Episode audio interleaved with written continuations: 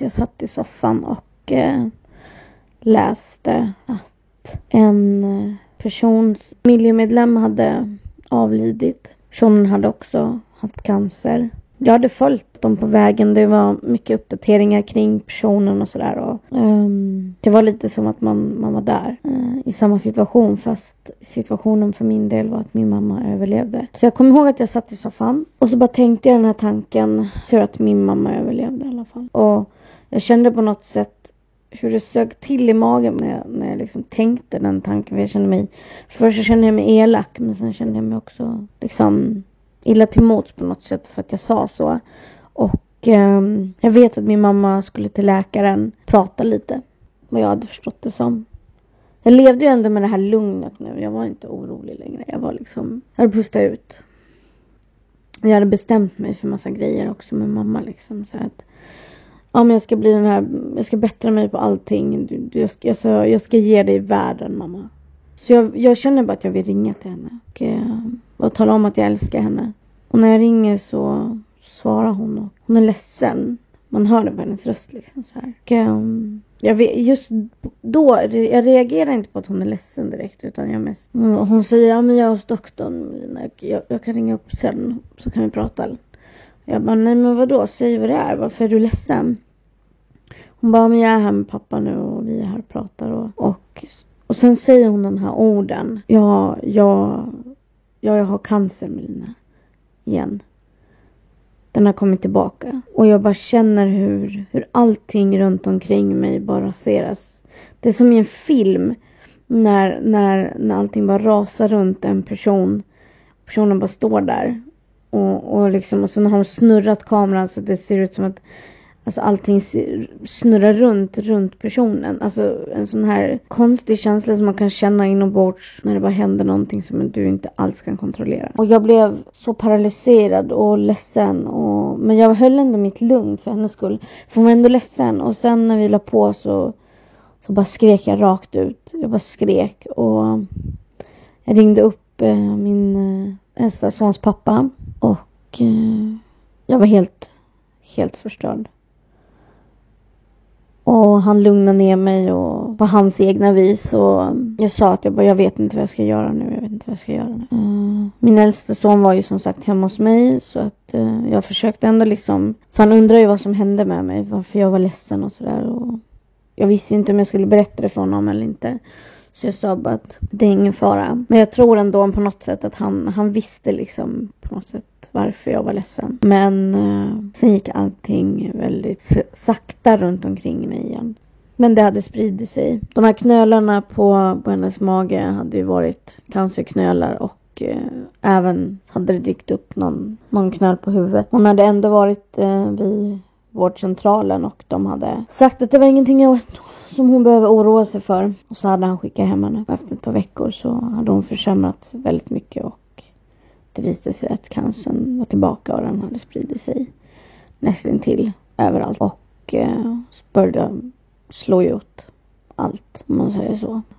Den dagen jag fick reda på att hon hade fått tillbaka sin cancer, vilket jag i senare skede förstod att den hade aldrig försvunnit utan den hade gömt sig bakom en tumör. Vilket de hade tagit bort tumören men fortfarande så hade det funnits en till som hade gömt sig om jag inte minns riktigt fel nu. Det är lite svårt att förklara. Eller så var det helt enkelt bara svårt för mig att förstå. Men eh, det var som att den dagen så låste jag mig liksom till att jag, jag kommer förlora min mamma nu. Den här gången kommer inte hon att överleva.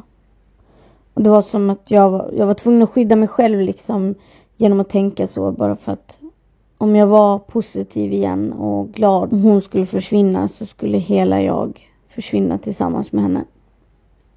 Så i den stunden när jag stod i köket så tog jag liksom det här beslutet med att nu är det dags att förbereda sig på att jag kommer förlora min mamma. Och för många kanske det låter väldigt elakt, väldigt dumt, väldigt egoistiskt, väldigt onödigt. Men alla människor fungerar olika och det är så här jag fungerar. Och det är både på gott och ont kan jag säga.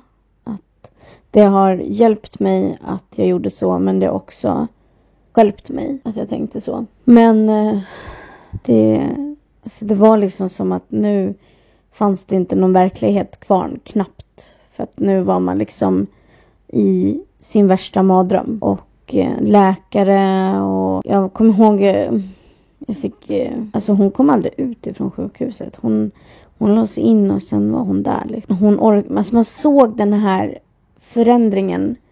Från att hon hade återhämtat sig till att hon hade totalt bara börjat gå ner sig liksom.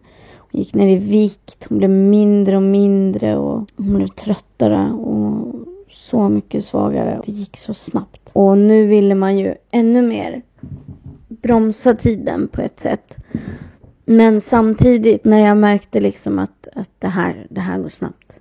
Och det här gör ont. Det här gör riktigt ont i henne. Och det gjorde ont i oss runt omkring. Men i henne gjorde det ont psykiskt och fysiskt. Och den här gången märkte jag klart och tydligt att hon hade inte någon direkt kämparglöd som innan. Utan här levde hon i en enorm förnekelse överlag. Och hon ville inte prata om att hon faktiskt var riktigt, riktigt sjuk. Och när läkarna berättade för mig och min pappa och eh, de hade pratat med henne innan vad jag förstår det som. Att det är ingen idé att ge, de hade inte sagt det med de exakta orden men att, att ge cellgiftsbehandling hade bara försämrat henne ännu mer och tagit, alltså, tagit mer på krafterna och eh, gjort henne ännu mer tröttare och eh, ännu mindre mottaglig för oss runt omkring och för sig själv. Det hade tärt på henne. Och det var då också jag började inse att det här, det här kommer inte gå. Även om inte exakt de orden kom ut ifrån läkarna just då att hon skulle dö. Därpå jag inte hade frågat om heller och inte pappa heller riktigt. Men det var som att vi visste liksom och vi visste att mamma visste. Men hon ville inte prata om det. Hon ville inte ha det här det här förberedande samtalet med sin, med sin man. Alltså få ett avslut. Och inte med mig heller. Och jag förstår henne. För att ligga där och veta att du kommer att dö. Eller att du är riktigt, riktigt sjuk och att chansen är väldigt liten att du kommer att överleva. Så är kanske inte just det att man vill prata om det. För som sagt, alla människor är olika. Dock gjorde det ont att man inte kunde få det där samtalet. Att man inte kunde få gråta ut tillsammans med henne. Men samtidigt, det, det var upp till henne och det var ingenting som varken jag eller min pappa kunde styra eller någon runt omkring henne. Absolut försökte vi, men hon ville inte. Och hon, hon målade upp liksom att när jag är frisk då ska vi resa gör det här och det här. Och man satt där som en jubelidiot och tänkte liksom, vet du inte om vad som kommer ske? Förstår du inte vad det är som håller på att hända? Men samtidigt, det där var hennes rehabilitering eller vad man kan kalla det. Och det var så hon valde att göra. Och det var för oss att acceptera det. Sen eh, kom ju dagen när, eh, när, de, när vi hade det här samtalet med läkaren och de konstaterade att, att hon kommer liksom inte, det här är ingenting som de kan göra någonting åt. Ingen operation eller någonting kommer att hjälpa henne utan hon är för svag för att opereras överlag och det har spridit sig på för många ställen så att det går inte. Och det var då vi förstod att då kommer inte hon att överleva och det var då jag frågade dem om kommer min mamma att dö? Och jag kommer ihåg att jag tittade in i den här läkarens ögon och hon tittade in i mina och hon konstaterade att, att, så, att hon kommer att göra det. Ja.